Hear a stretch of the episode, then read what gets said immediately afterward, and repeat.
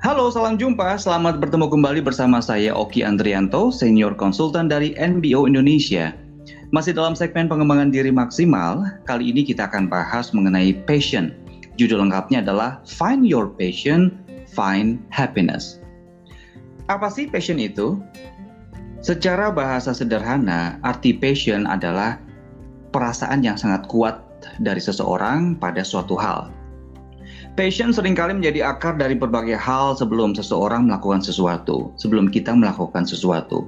Begitu kuatnya hingga terkadang orang bersedia melakukan apa pun meski dengan pengorbanan yang cukup besar. Nah, teman-teman, apa yang kita rasakan ketika kita menemukan passion dalam hidup kita? Bagaimana cara kita mengetahui bahwa apa yang kita lakukan ini sudah sesuai dengan apa yang memang kita cintai selama ini? Lalu pertanyaan berikutnya, apakah bisa menjamin saat passion itu sudah ada, maka kita bisa menemukan kebahagiaan? Teman-teman, kita akan lebih detail membahas topik ini bersama dengan tamu spesial yang sudah tersambung via telepon. Beliau adalah Bapak Arji Kiswanto, Direktur sekaligus Master Trainer dari NBO Indonesia. Pak Arji Kiswanto, apa kabar? Halo Mas Oki, luar biasa baik. Mas Oki sendiri gimana? Kabar baik tentunya walaupun pada masa pandemi ini kita semua di rumah tapi tidak menutup kemungkinan kita tetap berkarya seperti yang sekarang kita lakukan nih Pak Ruji untuk memberikan inspirasi para pendengar eh, dan juga para peserta NBO Indonesia Training bahwa kita selalu memberikan inspirasi melalui virtual apakah dari video maupun dari audio. Kalau Pak Ruji sepertinya juga banyak melakukan virtual inspiration ya Pak. Justru itu terakhir hari ini memang mau tidak mau harus mengikuti perkembangan zaman. Jadi dari kondisi saat ini kita harus melihat ke depan dengan cara yang jernih karena satu-satunya yang langgeng dalam kehidupan ini adalah perubahan. Dan di dalam konteks ini tentunya kita harus menyikapi dengan yang benar dan juga selalu memiliki kreativitas dan inovasi untuk melakukan suatu terobosan-terobosan baru tanpa kecuali siapa pun dia dan di mana pun dia berada. Itu pandangan saya Mas Oki. Baik, Pak Ruji, kita pagi ini kita membahas mengenai passion. Saya sering mendengar di dalam kelas Pak Ari selalu berbicara mengenai passion, passion, passion, dan passion kepada para peserta untuk menyadarkan mereka bahwa yang kita kerjakan harus sesuai dengan apa yang kita cintai dalam arti kita menyukai apa pun yang kita kerjakan saat ini. Nah, saya bisa menyebutkan bahwa Pak Ari adalah sosok yang sudah menemukan passionnya dalam hidup. Ya, sebagai seorang trainer yang memberikan inspirasi kepada banyak orang, bagaimana Pak Ari melihat passion itu? Kan kalau dari biografi, saya mengenal Pak Ari sebagai sosok yang sudah berpengalaman dari zaman dulu sampai dengan sekarang, pernah di oil and gas company, kemudian pernah juga memegang satu dunia training di perusahaan terbesar di Indonesia. Bagaimana Pak Ari melihat bahwa passion itu sebenarnya apakah sudah ada dalam diri kita? Atau paling pertanyaan pertama adalah bagaimana Pak Ari melihat passion itu Pak? Baik Mas Oki, dalam konteks ini kita kalau di dalam pekerjaan apa pun bahkan dalam kehidupan sehari-hari selalu ada istilah bahwa adakah kita memiliki suatu passion? Bekerja atau usaha adakah passion kita di sana? Kemudian kita lalu bertanya sebetulnya makna passion itu sendiri apa sih? Nah, kalau dibuka melalui kamus sehari-hari kita mengenal passion itu adalah kita terjemahkan sebagai hasrat, sebagai uh, upaya, sebagai juga kesukaan melakukan sesuatu. Namun setelah saya ikuti beberapa periode di dalam konteks pengembangan sumber daya manusia, dengan kondisi yang berbeda-beda, zaman yang berbeda pula. Saya simpulkan, passion itu menjadi tiga hal kriterianya. Satu adalah talenta, kedua adalah saya suka, ketiga adalah saya mahir. Nomor satu, kita harus akui dan hargai. Kita harus memahami talenta kita masing-masing Mas Oki bisa memahami betul bahwa banyak kita terlatih dari masa kecil, sekolah, memiliki suatu mimpi, maka punya cita-cita. Dan kita harus juga melihat banyak orang menggeluti dalam dunia akademisi, namun pada akhirnya karirnya beda dengan apa yang digeluti. Tapi itu pun juga sah-sah saja. Ada juga orang yang melihat demikian modelnya sehingga dia masuk di dalam kaca yang frustasi. Nah, untuk itu pola pikirnya harus dirubah. Pertama, saya ingatkan sekali lagi tadi bahwa kita harus mengetahui talenta kita. Dan kedua, kita harus betul-betul mensyukuri atas talenta itu sendiri. Kalau kita punya talenta, kita tahu talenta kita apa, kita harus syukuri bahwa itu adalah anugerah namun demikian, pada waktu kita memiliki talenta, kita pun juga suka menjalankannya. Karena ada orang yang mengatakan, saya punya talenta, tapi saya tidak suka menjalankannya. Menurut saya itu belum passion. Pada waktu dia suka menjalankannya, kemudian itu bertanya soal periodenya, berapa lama dia bisa melakukannya, dan konsisten atau tidak dia melakukannya. Nah, untuk itu masuk yang ketiga yang disebut dengan saya mahir mengerjakannya. Karena ada orang mengatakan demikian.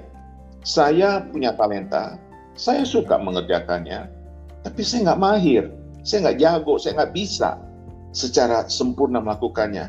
Itu belum sempurna passion. Tapi ketika orang itu satu adalah punya talenta, kedua dia suka, dan dia memang mahir mengerjakannya, itu menurut saya baru the real genuine passion adanya. Saya kasih contoh. Saya waktu kuliah dengan latar belakang mengambil komunikasi dan sistem analis. Kemudian saya terjun di dalam dunia migas. Saya teruskan, saya jalankan. Seiring waktu saya berjalan, saya memahami dan melihat suatu situasi, kondisi berbeda-beda. Judulnya mungkin industrinya adalah oil and gas, kemudian dilanjutkan mm -hmm. dengan yang disebut dengan retail business, consultancy. Namun pada hari yep. akhirnya, seiring jalan itu saya melihat ada hal-hal yang saya tahu betul bahwa I'm good at it. Saya memang baik untuk menjalankannya. And I love my job.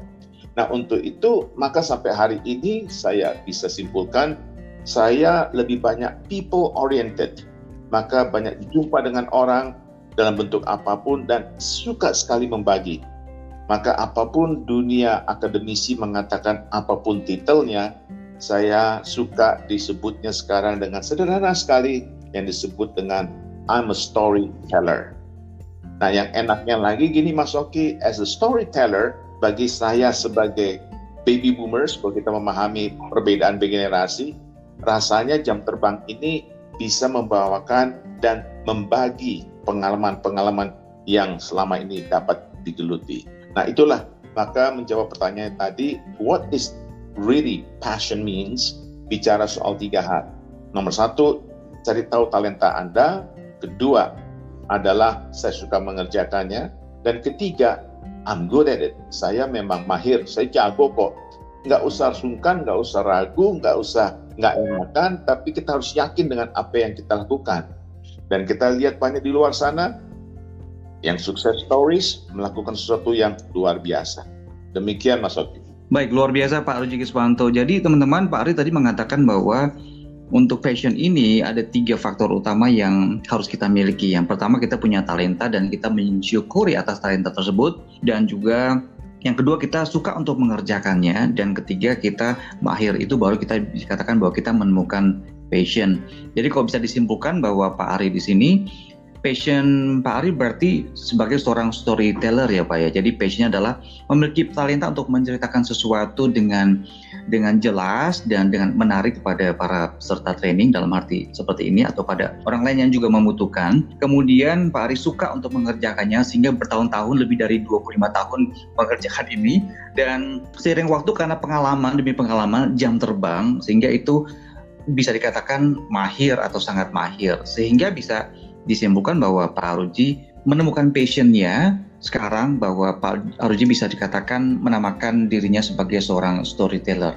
Nah, berarti kan ini kan membutuhkan waktu ya Pak Pak Ari ya untuk kita bisa menemukan passionnya. Dan sekarang kalau bagi orang-orang yang masih bingung nih mencari passion saya sebenarnya apa sih? Saya punya passion nih, oh di bidang musik, tapi kok saya nggak bisa dapat uang dari situ misalnya. Atau tapi kerjaan saya sebenarnya bagus dan saya bisa menghasilkan uang di situ saya masih berpikir kira-kira apakah ini termasuk passion saya atau apa atau saya memang mudah memodifikasi diri saya sehingga saya merasa saya menikmati hal tersebut gitu ya. Jadi pertanyaan berikutnya adalah uh, bagaimana kita bisa menemukan passion itu? Apakah memang uh, sudah ditentukan dan digariskan oleh Sang Pencipta, kita tinggal menemukannya atau kita harus menciptakan passion tersebut. Seperti di masa pandemi ini kan banyak yang di rumah dan akhirnya mereka mengerjakan sesuatu yang tidak pernah dipikirkan sebelumnya. Ada yang jadi baker, ada yang jadi uh, juru masak, chef dan akhirnya membuka PO dan dapat uang dari situ gitu ya. Terus ada juga yang jadi uh, personal trainer di online, kemudian ada yang buka bisnis online juga dan banyak hal yang bisa dilakukan. Kalau menurut Pak Ari sendiri bagaimana melihat situasi ini?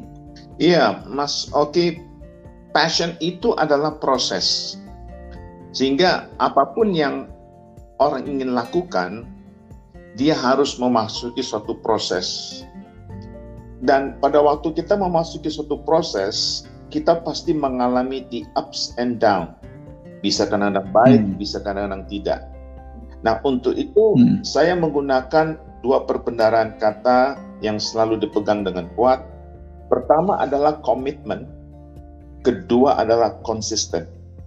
Pada waktu saya melihat suatu potensi, saya harus committed dengan potensi itu, namun juga saya harus konsisten menjalankannya. Karena kita juga banyak dengar hmm. di luar, wah saya committed melakukannya tapi tidak konsisten, maka tidak seimbang.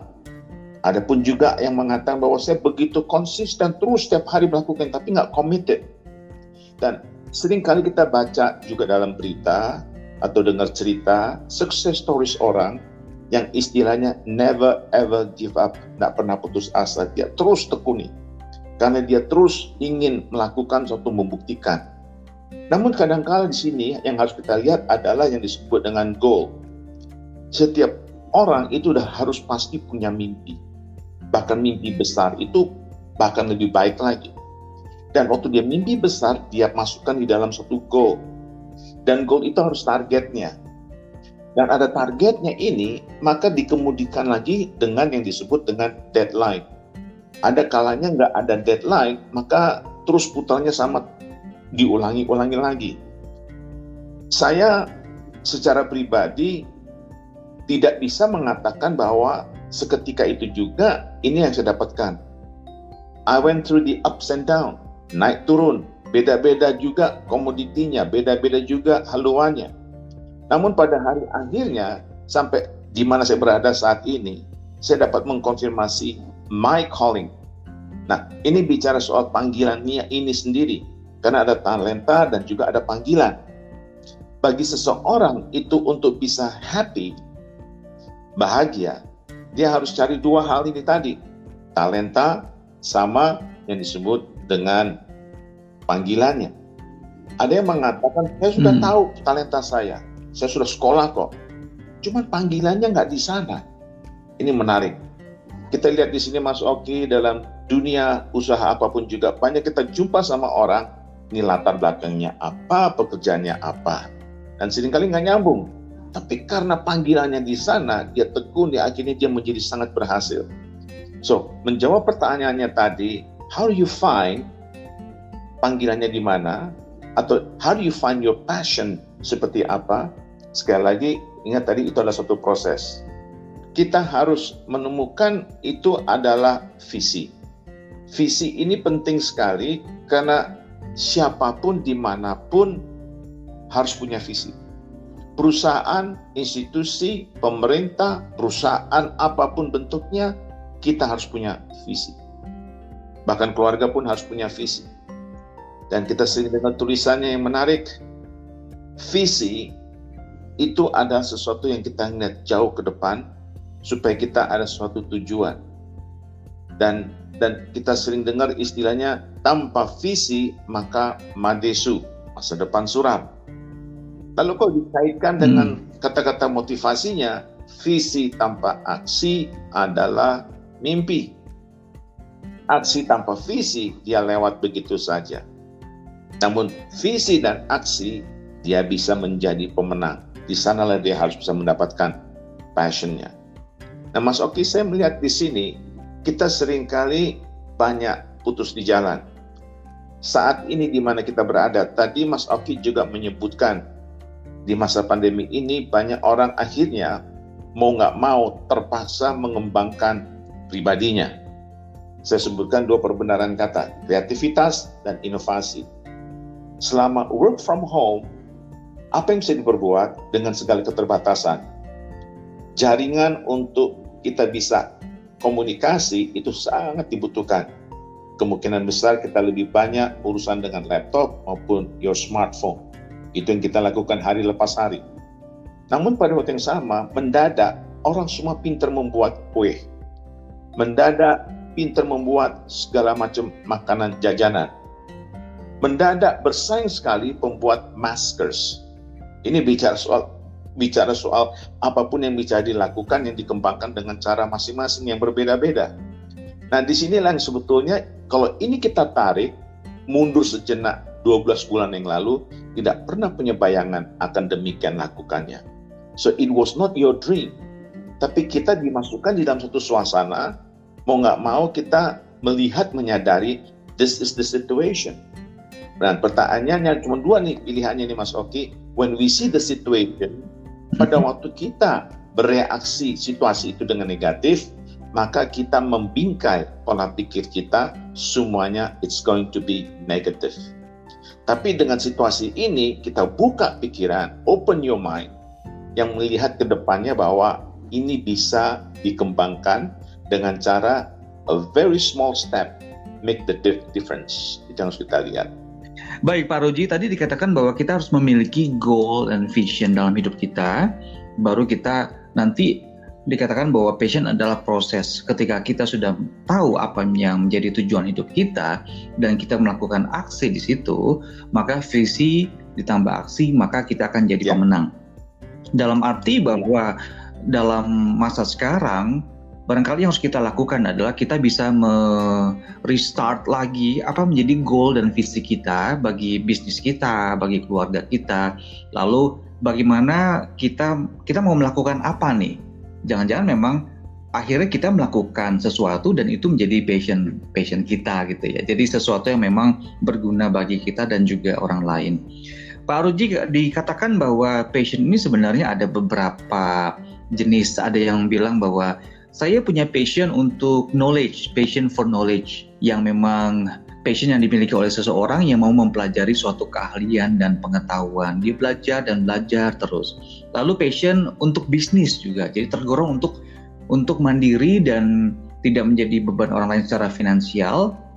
Dalam arti dia akan melakukan banyak hal untuk mendapatkan dalam hal ini adalah sesuatu keuntungan gitu ya atau materi. Kemudian ada juga passion for service yang memang menyadari bahwa passion ini adalah kita adalah orang makhluk sosial sehingga secara naluriah tuh ada dorongan untuk selalu terhubung dengan sesama. Ada juga passion for people yang memang ini berkaitan dengan karakter alami yang manusia sebagai makhluk sosial tadi. Kan kita bisa melihat ya ketika pandemi ini berlangsung, COVID-19, kemudian yang mempunyai passion sebagai seorang dokter, perawat, sukarelawan, mereka bekerja keras luar biasa 24 jam. Lalu ada juga yang dari masyarakat yang awam juga mereka melakukan sesuatu hal, gerakan sosial sehingga kita lihat uh, passion itu menjadi sesuatu yang sebenarnya bisa untuk memberikan banyak uh, banyak berkat istilahnya kepada manusia, kepada orang-orang yang membutuhkan gitu ya. Uh, gimana Pak Ari melihat ini? Uh, kira-kira uh, dari keempat jenis passion ini itu bisa nggak ya kalau misalnya kita memang fokus ke situ nanti dipadukan lagi dengan yang lain dan lain sebagainya ya. gitu Pak? Um, kalau saya melihatnya begini Mas Oki, pada dasarnya kembali kepada kepribadian seseorang. Uh, motivasi orang itu untuk menjalankan itu apa dulu? sebelum membicara soal passion ya. Motivasinya apa dulu? Ada hmm. orang yang saya punya motivasi karena saya harus nyari uang untuk melengkapi kebutuhan saya pribadi maupun keluarga. Itu passion pertama atau tujuan pertama, motivasinya maaf maksud saya. Kemudian kita lihat di sini juga ya. motivasinya yeah. adalah saya mau melakukan hanya untuk kepentingan orang lain. Memang ini adalah kerjaan kuliah. Itu ada juga yang punya sikap demikian. Ada motivasi lain, saya melakukan karena memang saya ditugaskan untuk melakukannya. Nah ini kembali kepada individu masing-masing. Saya kasih contoh dengan tidak mendiskreditkan kita menghormati, menghargai sekali para perawat misalkan dalam hal ini. Dalam kondisi sekarang, mereka bekerja dengan pengorbanan yang luar biasa. Boleh kita bertanya, apakah itu memang betul passionnya mereka? Sudah barang pasti tentunya ada hati nurani, kejiwaan mereka bahkan rela berkorban, resiko tinggi Bahkan kita banyak mendengar berita-berita yang juga ikut memprihatinkan. Sehingga waktu-waktu seseorang itu menjalankan passion ini, pada saat dia melakukan yang terbaik, dia memberikan yang terbaik, dia merasa talentanya sudah ada, dia pada dasarnya suka melakukannya karena tingkat kemanusiaannya tinggi. Ketiga, dia itu adalah seseorang yang sudah terlatih melakukannya, sehingga di dalam hal ini maka dijalankannya. Namun seiring waktu maka saya katakan tadi passion is the process. Seiring waktu dia melihat situasi kondisi kok orang-orang tidak bisa meresponi dengan peraturan-peraturan protokol misalkan. Maka dia bereaksi. Bahkan mereka sampai menunjukkan suatu sikap, tolonglah biarlah kami saja yang bekerja di rumah sakit namun tidak membawakan suatu kondisi. Jangan ditambahkan lagi, ikutilah suatu disiplin. Nah, seseorang di sini bisa mengubah dia punya passion. Nah, untuk itulah pertanyaannya adalah sampai sejauh mana dia bisa pegang, saya menggunakan dua perkataan tadi, komitmen and konsistensinya tadi. Dan konteks ini memang makin ditelusuri lebih dalam lagi, itu luar biasa yang sering kali kita mendapatkan suatu situasi yang tidak pernah terbayangkan. Itu yang model yang kita bisa lihat. Baik Pak Ruji, jadi topik kita adalah find your passion and find happiness. Tadi Pak Ari sempat menyinggung sedikit mengenai happiness, hmm. how to enjoy life. Nah, bagaimana kita menyambungkan passion dengan happiness? Lalu apakah Pak Aruji punya rumus untuk kita how how we we can enjoy life sekarang gitu ya di di masa sekarang kemudian Eh, bagaimana cara kita untuk untuk ya, melakukannya, betul Pak? sekali Mas Oki yang itu kita lihat sehari-hari. Dasar rumusnya kalau kita bisa lihat di sini adalah manusia itu lahir, sekolah, bekerja, dan mengembangkan karir. So uh, ada beberapa sisi yang boleh kita lihat. Kalau saya menggambarkannya demikian, Mas Oki, kalau saya kasih 0 sampai 20 itu adalah masa sekolah kita, masa belajar kita. 20 sampai 55 adalah masa kerja kita. Kemudian 55 sampai 65 persiapan untuk pensiun. And then uh, sampai 65 ke 80 bicara soal upaya keras untuk bisa just relax and enjoy life. Nah sering kali kita putarannya masuk sama terus, tapi kuncinya justru di saat kita mulai bekerja 20 sampai 55. Itu bicara soal situasi masa kerja kita, kita geluti, kita bangun itu karir, itu pun juga bisa mengalami satu grafik up and down, up and down. Nah selama kerja, kita selalu masuk kepada dua hal, tuntutannya dari zaman ke zaman bicara soal kerja keras dan kerja cerdas. Lalu kalau pertanyaan berikutnya diajukan lebih baik kerja keras atau kerja cerdas? Pada umumnya menjawab kerja cerdas, Pak, begitu katanya. Lalu saya amati karena saya mulai bekerja itu di tahun 70-an saya melihat bahwa tahun 70-an sampai 80-an itu orang pada umumnya tergantung di mana kita berada tentunya. Pada umumnya semua pada kerja keras, harus kerja keras. tidak ada pilihan karena situasi kondisi pada saat itu. 80 90 berubah, tidak harus lebih cermat, lebih cerdas, bukan keras. Menarik sekali. Lagi-lagi mengikuti zaman yang ada. Yang saya katakan sebelumnya, satu-satunya yang langgeng dalam kehidupan ini adalah perubahan. Maka dari tahun 70-80 kerja keras, 80-90 kerja cerdas, 90 sampai tahun 2000-nya itu adalah harus dua-duanya, keras dan cerdas, tidak ada pilihan. Makin hari makin kompetitif. Kemudian dari sejak 2000 sampai sekarang ini bicara soal 20 tahun kemudian, makin hari makin kompetitif. Kita memasuki digital era, kita memasuki suatu hal yang semua serba cepat. Perlu diketahui, kita hidup di beberapa beda generasi. Nah, di dalam perubahan ini, saya melihat kerja keras, kerja cerdas makin tidak berlaku. Karena di saat kita bicara soal 10 tahun mundur terakhirlah, bisa juga lima tahun terakhirlah. Kuncinya adalah happiness, bahagia. Dengan kata lain, saya menerjemahkan bagaimana kita bisa hmm. kerja keras kalau nggak bahagia Gimana kita mau kerja cerdas kalau nggak bahagia?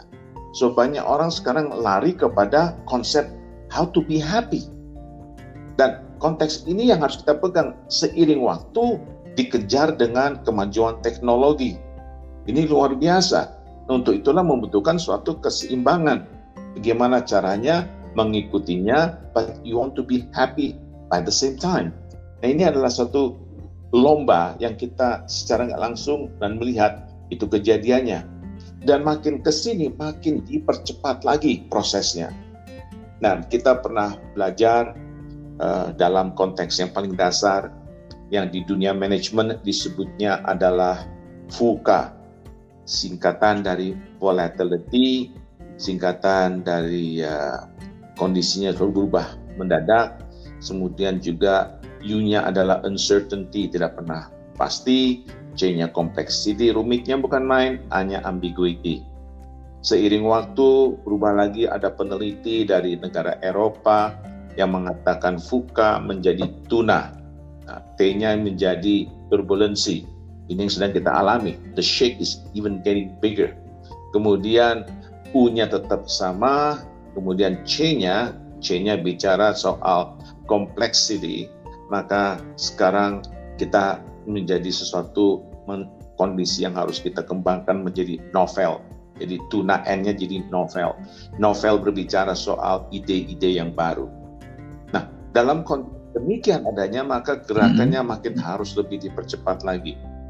Dan untuk menghadapi dua hal ini, apakah itu fuka maupun tuna, maka tuntutan zaman saat ini kita harus memiliki dua hal. Apa pun yang dikerjakan, itu harus dengan dua rumus. Satu, cepat. Kedua, berkualitas. Itu yang sedang kita hadapi Mas Oki saat ini.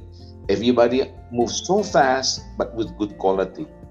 Boleh kita banyak melihat orang yang kerjanya cepatnya bukan main, tapi kalau kualitasnya tidak ada, rejected, maka tidak panjang umurnya.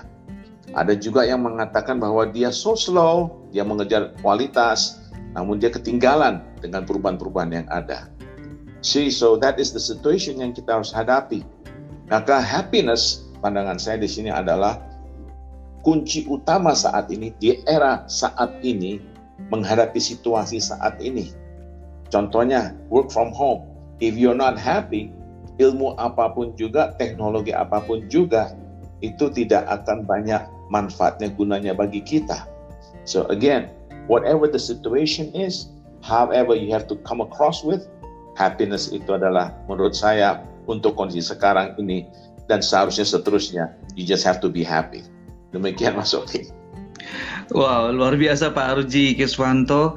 Nah, terima kasih untuk insight yang luar biasa. Kita banyak eh, mendapatkan pembelajaran yang yang sangat berguna bagi hidup kita dan juga bagi pekerjaan kita mengenai passion, mengenai happiness. Nah, sebelum saya tutup nih Pak Aruji, boleh nggak sedikit tips aja, tips singkat bagi okay. kita yang sekarang sedang mendengarkan podcast ini okay. untuk menemukan passion and happiness, terutama okay. untuk the young generation barangkali yang masih sure. mencari dan nah, mencari dan mencari tadi terus. Kita akhiri dengan kata happiness. Then the next question is, how do you find happiness? Bagaimana kita mencari kebahagiaan? Uh, seorang penulis membuat dalam tulisannya yang begitu uh, cukup terkenal mengatakan demikian, apa pun yang terjadi di belahan dunia ini nilainya cuma 10% and there's nothing you can do about it. Nilainya hanya 10% dan tidak bisa kita perbuat apa-apa. Maksudnya bagaimana ini? Contohnya, contohnya hujan deras. That's only 10%. Nggak bisa buat apa-apa. Kemacetan di jalan. Hanya 10%. Nggak bisa buat apa-apa. Hmm. Oke. Okay. Work from home. 10%. Nggak bisa buat apa-apa. Walaupun banyak masih bandel. Nah, sisanya itu adalah 90%. 90% itu adalah bagaimana kita bereaksi terhadap yang 10%. You see, mindset kita harus dirubah dulu sekarang nih. Kalaupun ada sesuatu yang tidak berkenan, sesuatu yang menjengkelkan, saya langsung plot itu cuma 10%. Artinya saya masih punya peluang 90% pilihan untuk melakukan sesuatu yang berbeda. Ini luar biasa rumusnya nih. Dengan 90% ini saya banyak cara. Namun diri saya, pribadi saya, tidak akan saya izinkan untuk dimakan oleh hal-hal yang tidak berkenan. Ingat, Your biggest enemy is you. Musuh kita yang paling berat adalah diri kita sendiri. Nah, untuk 90%-nya ini kita banyak pilihan. Kita tidak perlu banyak reaksi terhadap hal-hal yang tidak berkenan. Kita harus menutup telinga kita terhadap bisikan-bisikan palsu. Focus in what you believe in and move on. Itu adalah kunci daripada happiness itu sendiri. Sekali lagi passion, kalau kita ingat tadi bahwa First of all, setiap Anda pasti punya talenta. Itu adalah anugerah yang diberikan oleh Yang Maha Kuasa. Kedua, Anda suka menjalankannya, itu adalah suatu bonus. Dan ketiga, itu triple bonus adalah waktu Anda mahir melakukannya. Now, remember one thing, you will not be able to identify kalau nggak melakukannya. You have to do it. Maka tahu akibatnya seperti apa. Nah, di sinilah yang kita bisa lihat. Saya boleh kasih gambaran, contoh soal saja, kita semua dengar nama Jack Ma. Jack Ma adalah seorang yang asal-usulnya just as a normal, simple tour leader. Passionnya belajar bahasa Inggris. Wah, dia paksakan sekali. Dia kepingin mimpi untuk pergi ke Amerika dari China ini. Lalu dia berangan-angan supaya bisa Berangkatlah dia sampai di China, dia pun di sana melamar pekerjaan di beberapa gerai, di beberapa perusahaan, dan ditolaknya satu persatu. Pantas-pantasnya dia sudah putus. Namun apa yang terjadi? Di sini dia tetap kekeh. Ingat tadi dia mengatakan suatu komitmen dan konsisten. Hari ini, hari ini dia tidak perlu hmm. melamar kerjaan di mana-mana. Bahkan yang pernah dia lamar perusahaan itu kalau bisa dia beli, dia beli Nah, kembali lagi karena dia menemukan passionnya dan dia selalu berpikir think out of the box. Apa dikatakan di umum, dia melakukan sesuatu yang berbeda. Demikian Mas Oki, ringkasan yang boleh saya berikan berkaitan dengan passion and happiness. Oke, okay, Pak Ari, terima kasih banyak untuk waktunya mau dihubungi pagi-pagi ini dan memberikan banyak insight untuk para pendengar uh, podcast kita ini. Jadi teman-teman semuanya, bagi yang ingin mendapatkan banyak inspirasi dari Pak Aroji Kiswanto juga bisa di Instagram itu ada di arikiswanto.akm kemudian untuk YouTube-nya juga ada di Arikiswanto Official bagi para pendengar yang juga ingin membaca banyak artikel di website kita di www.nboindonesia.com Baik, thank you Pak Ari dan selamat kembali memberikan inspirasi pada uh, banyak orang dan tentunya kita menunggu banyak uh, sosok dari Eh, teman-teman uh, seperti Pak Ari juga untuk bisa berbagi banyak di kesempatan yang lainnya. All the very best to you. Oke. Okay. Terima, Terima kasih, kasih dan sama-sama. salam buat keluarga Pak Aruji. Oke untuk teman-teman para pendengar jangan pernah berhenti untuk mencari apa yang menjadi kecintaan Anda pada suatu hal atau pekerjaan agar Anda bisa menikmati hidup dengan bahagia. Jangan lupa untuk talenta Anda menyukainya, Anda mahir di situ Jangan lupa untuk memutuskan apa yang menjadi goal, vision, dan juga motivasi di hidup Anda. Saya Oki Andrianto, Senior Konsultan dari NBO Indonesia untuk podcast pengembangan diri maksimal. Sampai bertemu di lain kesempatan.